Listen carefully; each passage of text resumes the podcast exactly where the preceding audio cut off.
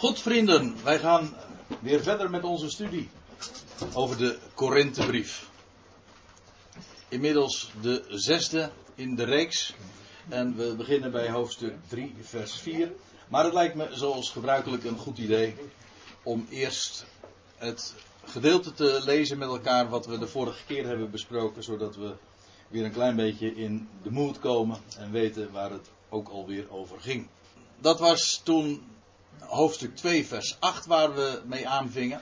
En daar lees je: En geen van de beheersers van deze eeuw heeft van haar geweten. Dat gaat het over de verborgenheid van God. Want indien zij van haar geweten hadden, zouden zij de Heere der heerlijkheid niet gekruisigd hebben. Maar, gelijk geschreven staat, wat geen oog heeft gezien en geen oor heeft gehoord, en wat in geen mensenhart is opgekomen, al wat God heeft bereid voor degenen die Hem liefhebben. Want ons heeft God het geopenbaard door de geest. Want de geest doorzoekt alle dingen, ja zelfs de diepte Gods. Wie toch onder de mensen weet wat in een mens is dan des mensen eigen geest die in hem is? Zo weet ook niemand wat in God is dan de geest Gods. Wij nu hebben niet de geest der wereld ontvangen, maar de geest uit God. Opdat wij zouden weten wat ons door God in genade geschonken is. Hiervan spreken wij dan ook met woorden die niet door menselijke wijsheid, maar door de geest geleerd zijn, zodat wij het geestelijke met het geestelijke mededelen. Doch een zielsmens, want dat is wat er echt staat, een zielsmens aanvaardt niet hetgeen van de geest Gods is, want het is hem dwaasheid. En hij kan het niet verstaan omdat het slechts geestelijk te beoordelen is. Maar de geestelijke mens gaat alle dingen na. Zelf echter wordt hij door niemand nagegaan. Want wie kent de zin des Heren dat hij hem zou voorlichten? Maar wij hebben de zin van Christus. En ik, broeders, zo begint dan hoofdstuk 3, vers 1.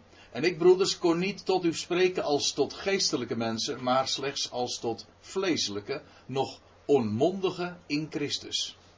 Melk heb ik u gegeven, geen vast voedsel, want dat kunt gij nog niet verdragen. Ja, dat kunt gij ook nu nog niet. Want gij zijt nog vleeselijk. Want als er onder u nijd en twist is, zijt gij dan niet vleeselijk? En wandelt gij niet naar de mens? En dat wat u cursief heeft gelezen, dat is wat enigszins gewijzigd is aan de NBG-tekst, maar dat heb ik de vorige keer al toegelicht waarom dat er zo staat. Nou, het moet duidelijk zijn dat Paulus hier het, een boekje eigenlijk ook, open doet over de, over de Corinthiërs. En de reden aangeeft waarom hij zo moeilijk nog bij hen kon aankomen met dat wat hij allemaal te melden heeft. En dat is omdat ze nog onmondig zijn onmondigen baby's in Christus. En, en dan staat er, melk heb ik u gegeven. Eigenlijk had ik dat ook even cursief moeten aangeven, want het staat er letterlijk in een tijdloze vorm. Melk geef ik u. Dat wil zeggen, eigenlijk die hele Korinthebrief is ook nog steeds gewoon melk, voor een groot gedeelte.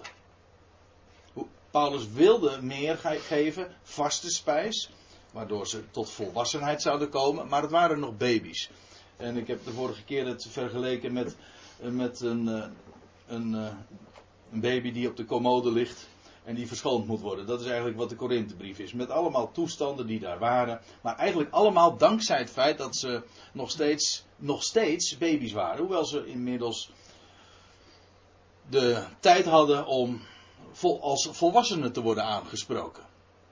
Nou, dat is zo de betoogtrand waar Paulus het in deze hoofdstukken over heeft. En we zijn min of meer uh, willekeurig geëindigd de avond was nu eenmaal ten einde toen we hier aangekomen waren in vers 3.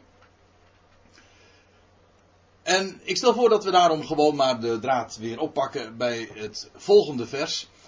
Daar schrijft Paulus, en dat is nog steeds dus een toelichting op, op dit voorgaande. Hij zegt, jullie zijn vleeselijk. Hij zegt, hoezo? Nou, er is onder u nijd, er is onder u twist. Hij zegt, dat is gewoon wandelen naar de mens. Zoals de mens dat doet. En dan motiveert hij dat nog nader, want, zegt hij, wanneer de een zegt, ik ben van Paulus. En het eigenaardige is, En ik heb er bij een andere gelegenheid in hoofdstuk 1 ook al eens even op gewezen, want daar staat iets soortgelijks. Over die partijschappen, die, dat sectarisme feitelijk wat daar uh, in Korinthe was. de een die zegt van ik ben van die, ik ben van die. Paulus is helemaal niet enthousiast over de, degene die dit zeggen. Ik ben van Paulus. Paulus was dus geen, niet de leider van de Paulusclub, ab, absoluut niet. Want hij, hij noemt dat zelfs, uh, dat, is, pardon, dat is vleeselijk. Hij zegt dan dat is naar de mens. Als jullie een mens naar voren schuiven en, en, en als een partijleider zien, terwijl, terwijl wij gewoon slechts dienaren zijn. Maar goed, dat gaat hij ook nog uh, uitleggen. De een zegt ik ben van Paulus en de ander zegt ik ben van Apollos. Nou, over wie die Apollos was, daar hebben we het toen ook al een keer over gehad, want het is de tweede keer dat Paulus deze naam noemt. In hoofdstuk 1 had hij hem ook al uh, vermeld. We weten van die Apollos dat hij. Uh, ja, hij kwam uit. In handelingen 19 wordt hij nogal. handelingen 18 en 19 wordt hij beschreven. Het was een, Jood. Een zeer geleerd man. Hij, van wie we lezen, hij was doorkneed in de schriften. Hij kwam uit Alexandrië in Egypte. En, en hij kwam dan in aanraking daar in Efeze met Priscilla en Aquila. Dat is een echtpaar met wie Paulus tenten maakte. En hij was actief in de, in de synagoge. Hij sprak. Het was een. Uh, hoe staat het er precies? Een welsprekend man, ja. Een welsprekend man doorkneed in de schriften. Maar dan krijgt die Apollos. Uh, komt in gesprek met Priscilla en Aquila. En die leggen hem de weg Gods nader uit. Zo staat het in Handelingen 18 dan. En die Priscilla en Aquila, die waren weer in aanraking gekomen met het woord via de apostel Paulus. Zodat eigenlijk die Apollos geüpdate wordt, eh, bijgeschoold wordt door, ja, via via, door, door het onderwijs van Paulus. Van die Apollos weten we dat hij bij een latere gelegenheid ook in Korinthe komt. Toen was Paulus inmiddels alweer vertrokken uit Korinthe. Paulus was dus daar in Korinthe geweest. Er was daar een ecclesia ontstaan. Ook een, in het huis van Gaius dus. Hè. Maar dat weten we inmiddels. En Paulus had zijn hielen gelicht, om het een beetje oneerbiedig te zeggen. En daar waren andere mensen gekomen die uh, daar arbeidden in de Ecclesia en hen opbouwden in het woord. En een van hen was Apollos. Die heeft daar dus ook in die Ecclesia gesproken en onderwijs gegeven. En, en er is niks menselijks hen vreemd daaraan in Korinthe, want er ontstonden daardoor, juist vanwege die verschillende namen, tweedracht. De een zegt van ik ben van die, ik ben van die, om welke reden dan ook. En Paulus zegt, zijt gij dan niet onveranderde mensen als je, als je zo daarin staat, zo tegen onderwijs aankijkt. We moeten trouwens opletten hoe, wat er eigenlijk staat. Dat woord onveranderde, u ziet het hier, in de MBG-vertaling staat het ook tussen haakjes. En daarmee is aangegeven, we hebben dit woord eh, toegevoegd. Om er een, lopende zin van te maken. Maar dat staat er eigenlijk niet. Eigenlijk staat er dus, als je het woord weghaalt, zijt gij dan geen mensen? en als je er even goed over nadenkt, dat dat, dan klinkt het leuk. Eh, wij hebben iets soortgelijks. Toen ik er eh, van tevoren over na zat te denken, toen dacht ik eh, aan de uitdrukking die wij kennen. En daar doet het mij aan denken.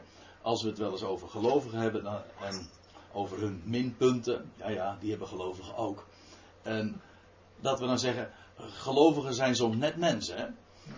Nou, dat, eigenlijk, dat is feitelijk wat, jullie hier, wat Paulus hier zegt. Jullie zijn nou gewoon mensen. Net als ieder ander. Dat is het idee. Niks anders dan anderen. Vandaar, en ik begrijp heel goed waarom de MBG dit woord er even voor het gemak tussen geplaatst heeft. Het is geen kritiek, maar het is gewoon een melding. Dit is wat er staat. Zijt gij dan geen mensen? Zo, zegt hij het letterlijk namelijk. Zoals iedereen dat doet. Maar zij hadden Gods geest ontvangen, zij kenden het woord, dus je zou, eh, je zou het toch anders van hen mogen verwachten. En dat is wat Paulus ook dan eigenlijk zegt. Die, het is een soort van uh, retorische vraag. Zijt gij dan geen mensen? Uh, of zijt, dan zijt gij, ja, zijt gij dan geen mensen? En dan gaat Paulus dat nog eens toelichten. Want wie zijn die Apollos en die Paulus dan? Wat is dan Apollos, vers 5? Wat, of wat is Paulus? Nou, het, je zou het haast gewoon zelf kunnen invullen. Het, antwoord is gewoon mensen. Waren het niet dat ze een, een goddelijke waarheid hebben toevertrouwd gekregen, maar in zichzelf mensen zoals wij allemaal. Vlees en bloed. Wat is dan Apollos, wat is Paulus? En dan zegt hij, dienaren. Dat is het antwoord. Servants. Hè? Diakenen. Dat herken je nog. Ons woord diaken, dat, uh, dat uh, wat is wat hier gebruikt wordt, diakonoi.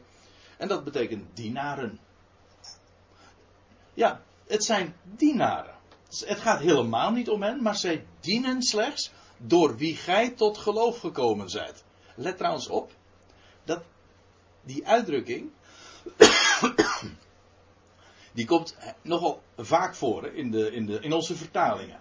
Door wie gij tot geloof gekomen zijt, of in handelingen lees je ook heel vaak van, en hij of zij of andere mensen kwamen tot geloof.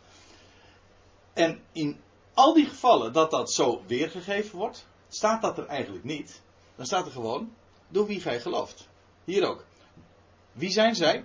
Dienaren door wie jullie geloven. Niet door wie gij tot geloof gekomen zijt. Door, wie jullie geloven. Uh, is het verschil groot? Nou, dat hangt er een beetje vanaf. Als je het goed begrijpt, dan is er niks mis mee. Maar het, het defect een beetje de indruk alsof geloof iets is waartoe je gebracht moet worden of waartoe je moet komen. Alsof geloof een ding is. Alsof er een weg is naar geloof. Je moet eerst tot, tot geloof komen. Maar er is geen weg tot geloof. Geloof is de weg. Geloof is niet een ding op zich. En dat is in het algemeen een, een misverstand dat, dat heel veel uh, mensen hebben. Alsof geloof iets is uh, op zichzelf. Maar geloof betekent, uh, is niks anders dan dat wij zien op Hem en vertrouwen op Zijn woord. En op het moment dat we gaan kijken van wat is ons geloof, nou, dan, dan, is weg. Want geloven is juist dat je ziet op Hem. En je hebt natuurlijk kringen waar het een echte mode is, als ik het zo ook een beetje oneerbiedig mag zeggen, om altijd maar te letten. Hè, je, je, je, je eigen geloof te onderzoeken. Is goed genoeg?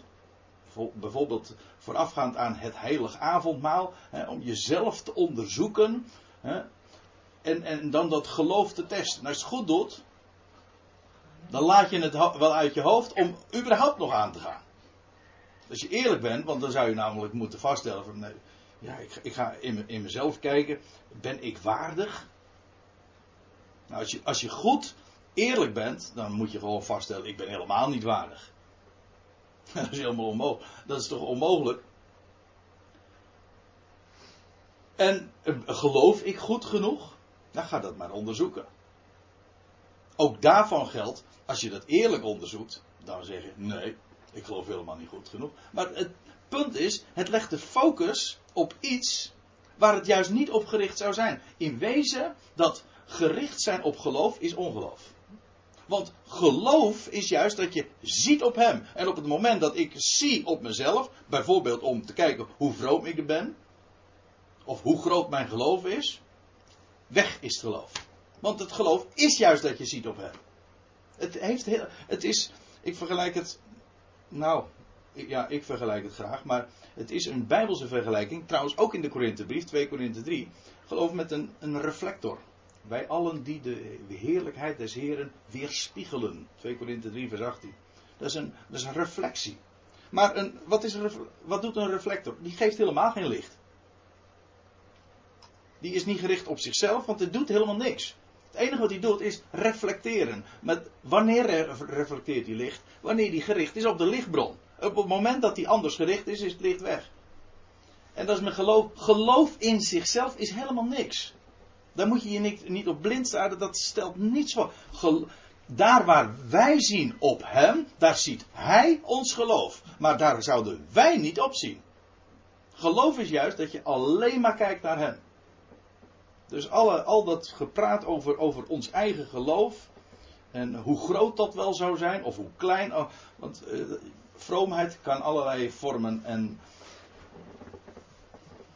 verschijningen aannemen. Maar altijd daar waar het gericht is op zichzelf, is het domweg geen geloof. Nou, ik zeg dit eventjes om, om, om ook even aan te geven dat, dat hier een, dit een aanleiding kan zijn, deze weergave, om, om geloof als iets, als een entiteit op zichzelf te beschouwen. En daar geeft de vertaling aanleiding toe.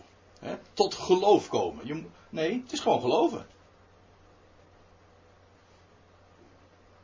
Nou, wie zijn die Apollos en Paulus nou? Jullie, dat zijn dienaren door wie jullie geloven. Niet tot geloof gekomen zijt in de voltooide zin, maar door wie jullie geloven. en hoe ontstaat dat dan? Wel, Romeinen 10, wat dacht u daarvan? Zo is dan het geloof uit het horen en het horen door het woord van Christus. Romeinen 10, vers 17. Spreek het woord. En hoe ontstaat dat geloof dan? Wel doordat je hoort en daar amen aan geeft. En gehoor aan geeft. Dat is, dat is geloof. Je, je, je beaamt wat God zegt. In het Hebreeuws is het woord voor geloven trouwens gewoon amen zeggen. Abraham beaamde God en het werd hem tot gerechtigheid gerekend. Geloof is dus niks behalve dan gehoor geven aan zijn woord. Het woord van Christus. En hoe gaat dat dan? Nou, ik heb nog een tekst, Handelingen 16. Daar lees je over een zekere vrouw. Met name Lydia. Een, zij was een purperverkoopster uit de stad Thyatira. Die God vereerde. En dan staat er, zij hoorde toe. Let op, ze hoorde toe. En de Heere opende haar hart. Zodat zij aandacht schonk aan hetgeen door Paulus gezegd werd. Met andere woorden, dat is helemaal Gods werk. Het zijn woord wordt gesproken. En daar waar zijn woord wordt gesproken, is hij het die harten opent. En wat is daar van de mens bij? Niets. Dus, ja. Dat is de wijze waarop de Heer uh, dan werkt. En let erop, dat wordt ook zo mooi bevestigd in ditzelfde gedeelte. Want er staat er, die Apollos, uh, die Paulus, dat zijn dienaren door wie jullie geloven. En wel, zoals de Heer dit, zo, zoals de Heer dit aan een ieder ja, geschonken heeft, staat letterlijk ook hier weer in een tijdloze vorm. Geeft, tijdloos. Zoals de Heere dit aan een ieder geeft. Mensenwerk, hoe, hoe, hoe, komen wij aan dat geloof? Wel, dat werkt en dat geeft de Heer aan een ieder. Ja, ik, eh, dat kun je inderdaad zo.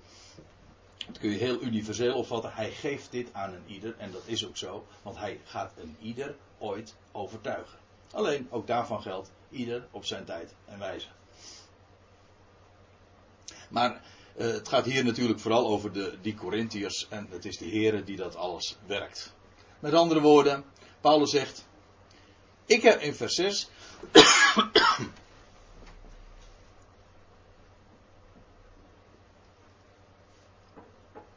ik heb geplant. Apollos heeft begoten. Maar God gaf de wasdom. Let op trouwens, ik heb er, gaf er hier al even aan. Staat er tijdloos, maar ook hier is dat weer het geval. Die aparte Griekse manier van formuleren. Wij zeggen altijd iets altijd in, in een bepaalde tijdsvorm. Maar het, het, Grieks heeft ook een, ook een manier van zeggen waarbij het tijdloos is. De zogenaamde aorist. En dat staat hier in die vorm. Ik plant. Het staat heel kort. Niet ik heb geplant. Ik plant. Apollos begiet. Irrigeert. Geeft water. Maar de God maakt het. Uh, maar de God doet het opgroeien. Dat is wat er staat. Oftewel, hij geeft wasdom. Maar wassen, wasdom, heeft ook te maken met groeien. Hè? Vol wassen, vol groeit.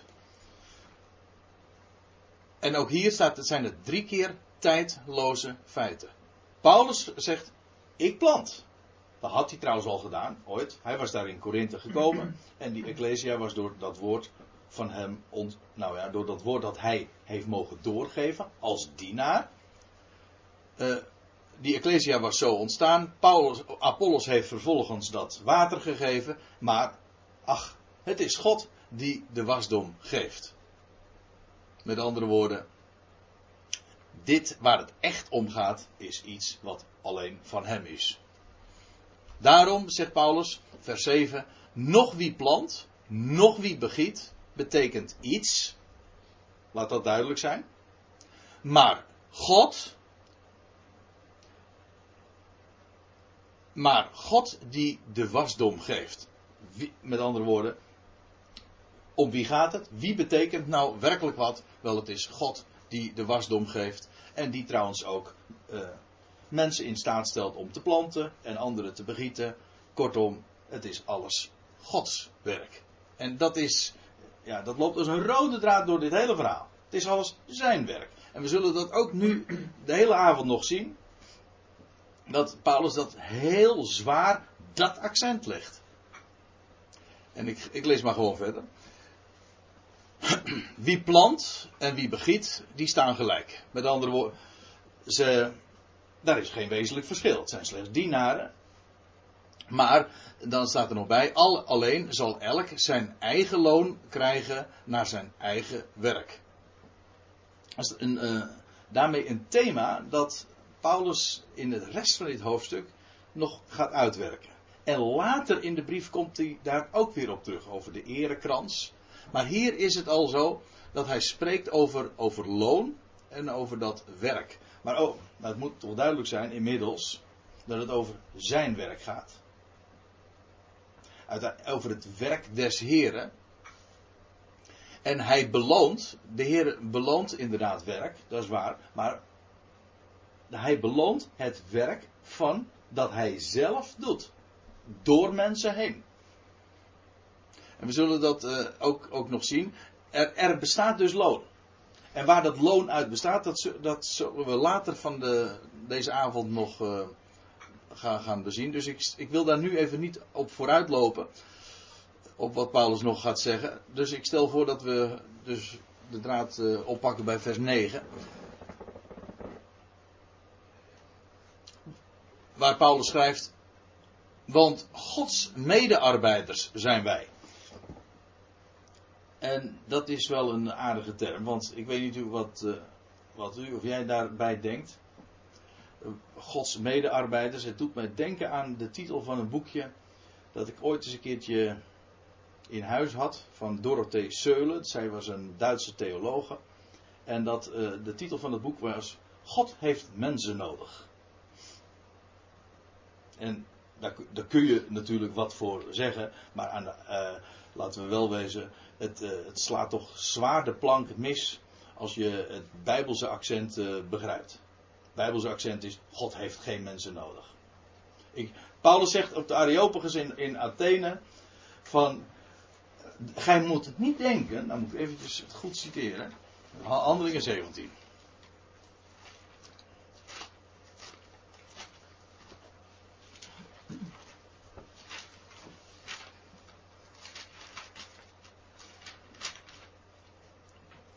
in Handelingen 17, daar schrijft hij.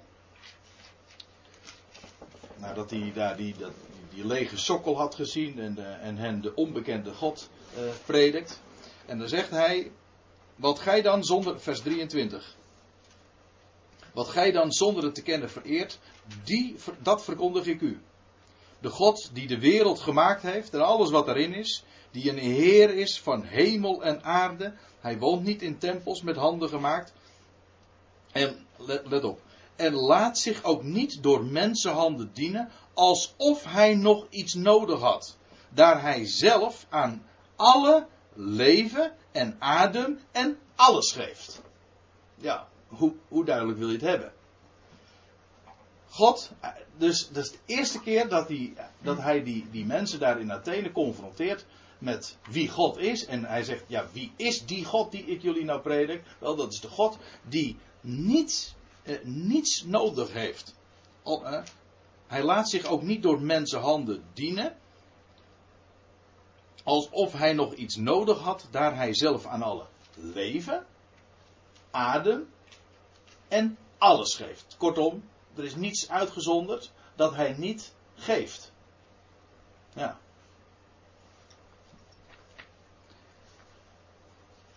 Met andere woorden, Dorothee ze mag dan een heel bekend en beroemd theoloog zijn. Alleen de titel van het boek, die deugt al niet. God heeft geen mensen, ah, ah, heeft, heeft geen mensen nodig. Hij gebruikt wel mensen, maar dat is heel wat anders. Wij hebben hem nodig, niet hij ons. Maar je zou kunnen denken van, ja maar hier staat toch Gods medearbeiders. Maar die, de uitdrukking betekent niet van wij werken samen met God. Maar in zijn werk, want het is zijn werk, zijn wij medewerkers ten opzichte van elkaar. Hij zegt Gods medearbeiders. Dat wil zeggen ik en Paulus, of, of uh, Paulus schrijft dan Apollos en ik, en wie dan ook nog meer. Wij zijn medearbeiders van elkaar. Maar wij zijn Gods medearbeiders. Dat wil zeggen, wij als medearbeiders, samenwerkers, wij behoren God toe. Het is Hij die zijn werk door ons doet. Dus we zijn Gods medearbeiders. En niet van uh, God heeft mensen nodig en, en wij werken met God samen. Hij doet wat en wij doen wat. Dat lijkt me toch van uh, belang om dat, uh, om even duidelijk te zeggen. Het is Gods, de, de nadruk ligt dus heel duidelijk op Gods medearbeiders zijn wij. Dat zullen we trouwens ook in het volgende zien. En, en Gods akker, Gods bouwwerk, zijt gij. Dus het is Ik heb het. Uh, ik wel eens vaker zo, voor, zo horen voorlezen. Namelijk, dan, zegt men dit. Want Gods, Gods medearbeiders zijn wij. En Gods akker en Gods bouwwerk zijt gij. Nee, nee, dat is niet het accent. Het accent ligt niet op op wij en gij, maar op Gods medearbeider zijn wij. Gods akker, Gods bouwwerk zijt gij. Iedere keer de nadruk ligt op dat van hem is het. Dus, dus het, uh, waarom zegt hij het? Gods akker, niet onze akker. Jullie zijn niet onze akker, zegt Paulus. Nee, jullie zijn Gods akker. En jullie zijn niet ons bouwwerk. Wij hebben jullie, de Ecclesia van, uh, van van Korinthe niet gebouwd. Nee, het is Gods bouwwerk. Waar wij, waar wij in, bij ingezet zijn als arbeiders, maar van Hem. Het is Zijn werk. Dus je moet wel goed de klemtoon letterlijk en figuurlijk leggen. Hierin, bij het lezen en bij het verstaan. En ik vind dan toch eigenlijk wel mooi. We kennen allemaal de uitdrukking in het Nederlands. Gods water over Gods akker laten lopen. Hm? En ik weet niet waar de uitdrukking aan ontleend is, maar het zou zomaar aan 1 Korinthe 3 kunnen zijn.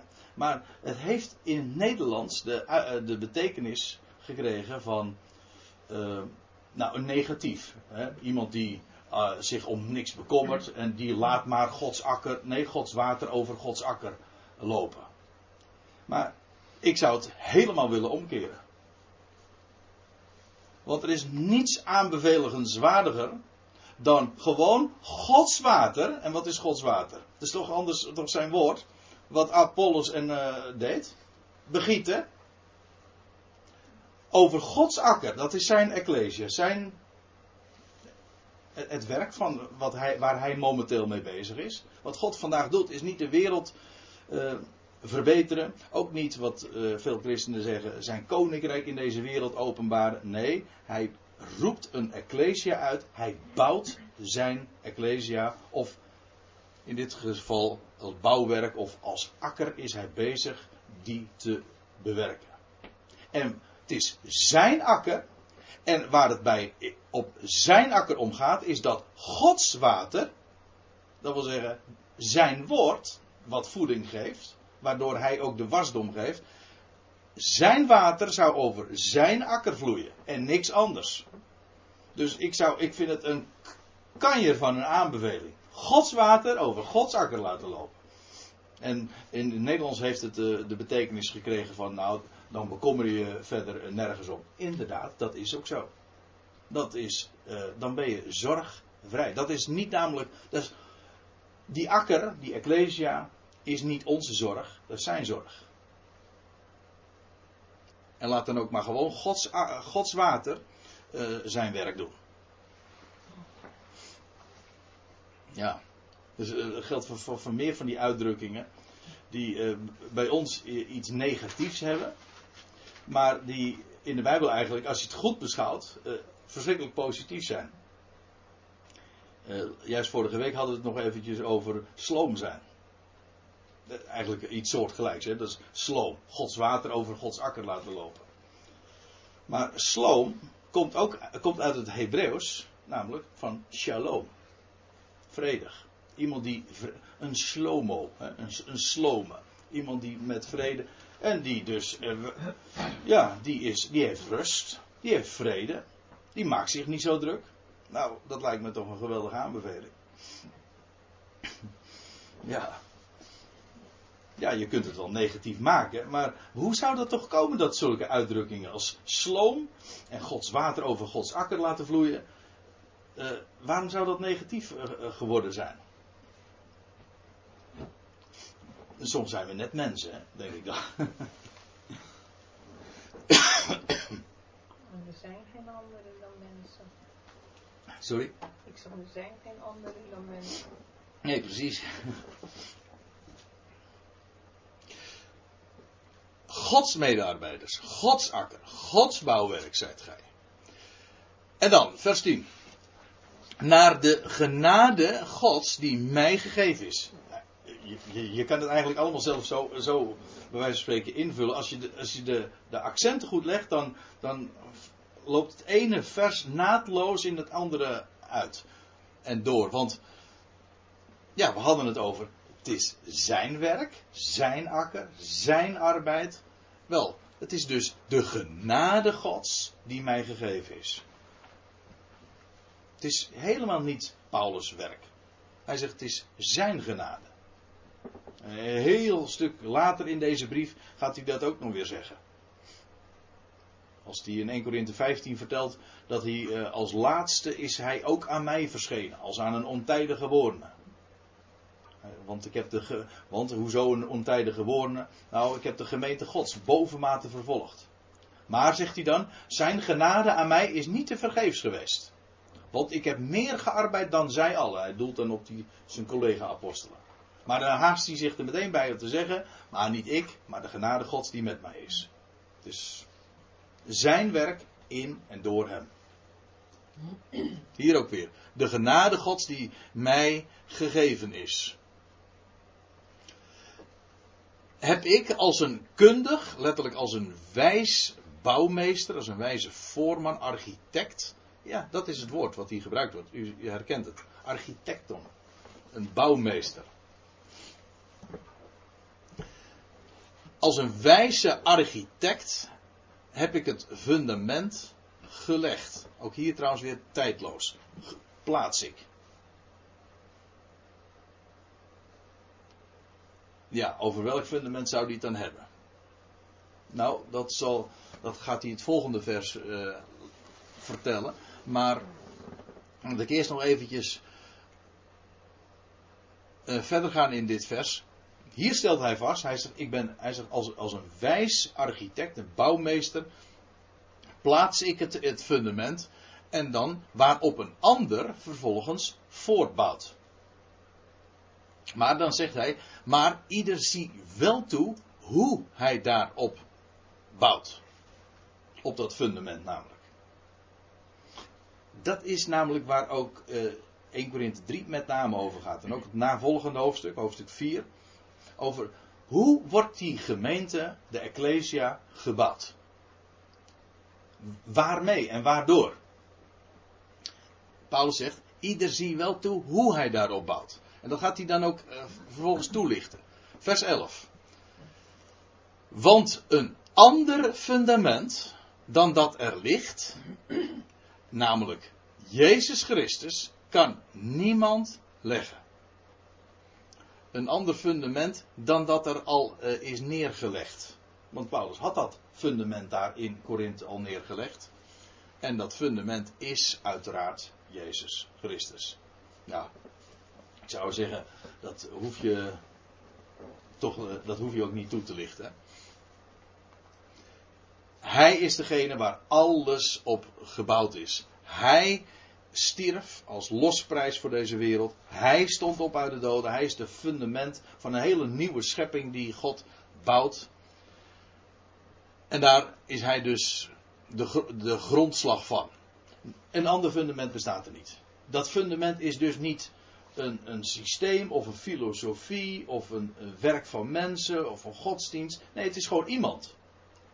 Iemand die stierf en opstond uit de doden. Feitelijk ligt dat al besloten ook in die, titel. Hij is Jezus, dat is de naam die hij als mens hier op aarde had.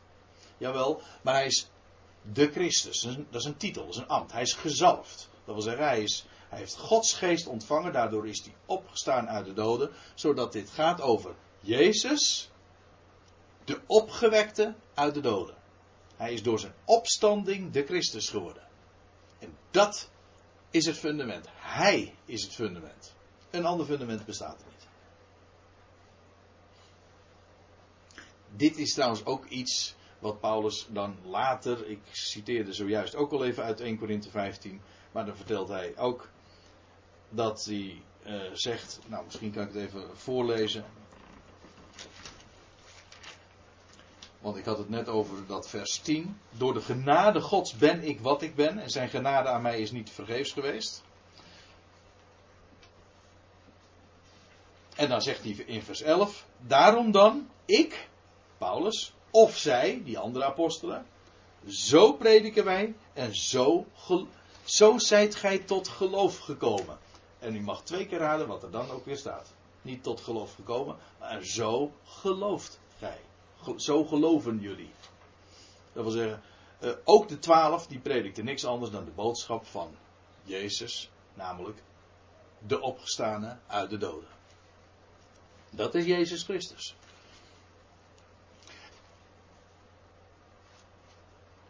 En dat fundament, nou ik wil daar toch even wat eh, meer nog over zeggen, want als Paulus deze beeldspraak gebruikt over, hij had het al eerder over dat bouwwerk. Nou, een bouwwerk is gefundeerd, uiteraard. En wat is dat fundament?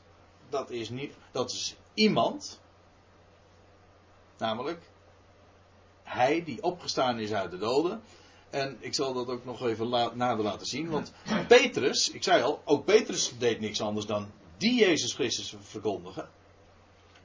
Tuurlijk. Paulus heeft uh, veel meer mogen zien en mogen bekendmaken. Maar neemt niet weg. In het fundament is het allemaal dezelfde boodschap, dezelfde Heer. 1 Petrus 2 schrijft, schrijft hij dit. Daarom staat er eh, in een schriftwoord, en ik kan u al verklappen, dat is Jezaja 28, vers 16.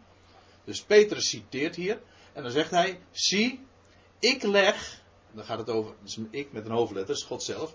Zie, ik leg in Zion, daar in Jeruzalem, een uitverkoren en kostbare hoeksteen.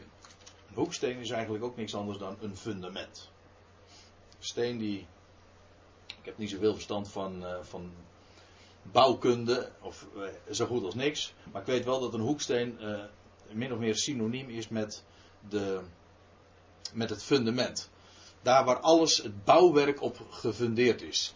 Een uitverkoren, een, dat wil zeggen een uitgekozen, een kostbare hoeksteen. En wie op hem zijn geloof bouwt, zal niet beschaamd uitkomen. Ja, ook niet weer, niet wie op hem zijn geloof bouwt, maar wie gelooft op hem. Ook hier, dit ligt een beetje in de lijn van wat ik zojuist zei over dat tot geloof komen. Het is niet zozeer wij, dat wij ons geloof bouwen, nee.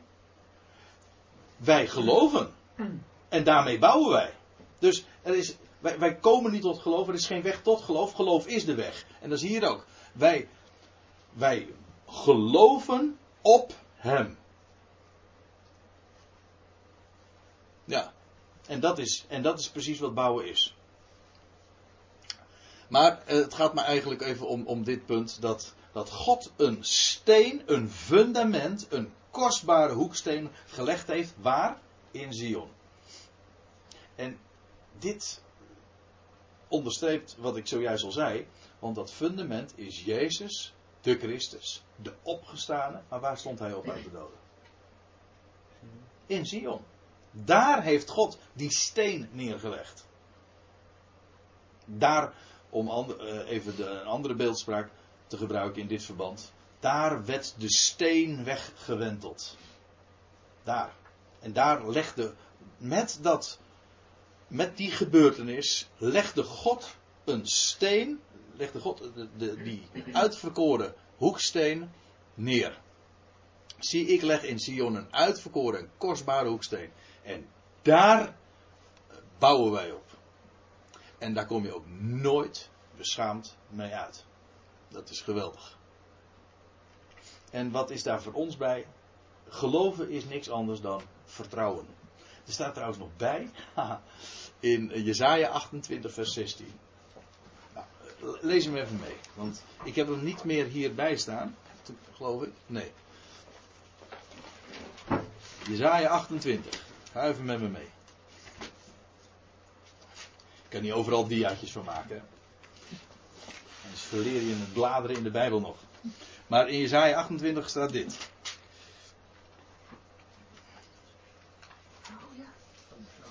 Ja, want er staat, wie op hem gelooft, zal niet beschaamd uitkomen. Dat, zo staat het in de Septuagint, maar als u uh, in de. Als u nou uh, kijkt in Jezaja 28, in de Hebreeuwse Bijbel, daar staat. Zie, ik leg in Zion een steen ten grondslag. Een beproefde steen. Ja, een geteste steen, wil, wil dat zeggen. Nou, die steen is ook in door het vuur gegaan. Dat was juist kort daarvoor. Was die steen beproefd? Wel, ook in Zion trouwens. En een beproefde steen, een kostbare hoeksteen van een vaste grondslag. En dan staat erbij: Hij die gelooft, haast niet. Slomen. En dan hebben we die slomen weer, ja. Ja. Ja, haast niet. Dat wil zeggen, die vlucht niet weg. We kennen allemaal ook daarvan die uitdrukking. En ik weet wel dat die wordt dan pas en vooral ook te onpas aangehaald van zij die geloven haast niet. Maar ik zeg het helemaal niet om lollig te doen. Maar dat is wel precies wat geloven is. Je vertrouwt erop wat hij gezegd heeft. Wat hij doet. En wat hij zal doen. En dan heb je een fundament onder je leven. En dan heb je uitzicht. Dan heb je alles. Dan heb je echt alles ontvangen. We hebben er geen idee van wat je dan allemaal bezit daarin. Daar kom je nooit beschaamd mee uit. Dus het maakt me niet uit hoe je het weergeeft of je nou zegt haast niet. Want feitelijk is het hetzelfde. Als je gelooft in hebt, dan heb je rust, ja, vrede, sloom, die, die, die shalom van hem. En daar bouw je op. Ik vind het prachtig dat die steen daar in Sion is gelegd. Het heeft dus inderdaad te maken met het feit dat hij de Christus is geworden. Nou, over dat voortbouwen op, die, op dat fundament. Dat is uh, waar Paulus dan in vers 12 over uh, verder gaat. Maar ik stel voor dat we dan, als we daar uh, wat meer over willen vertellen, dat we daar straks na de pauze mee verder gaan.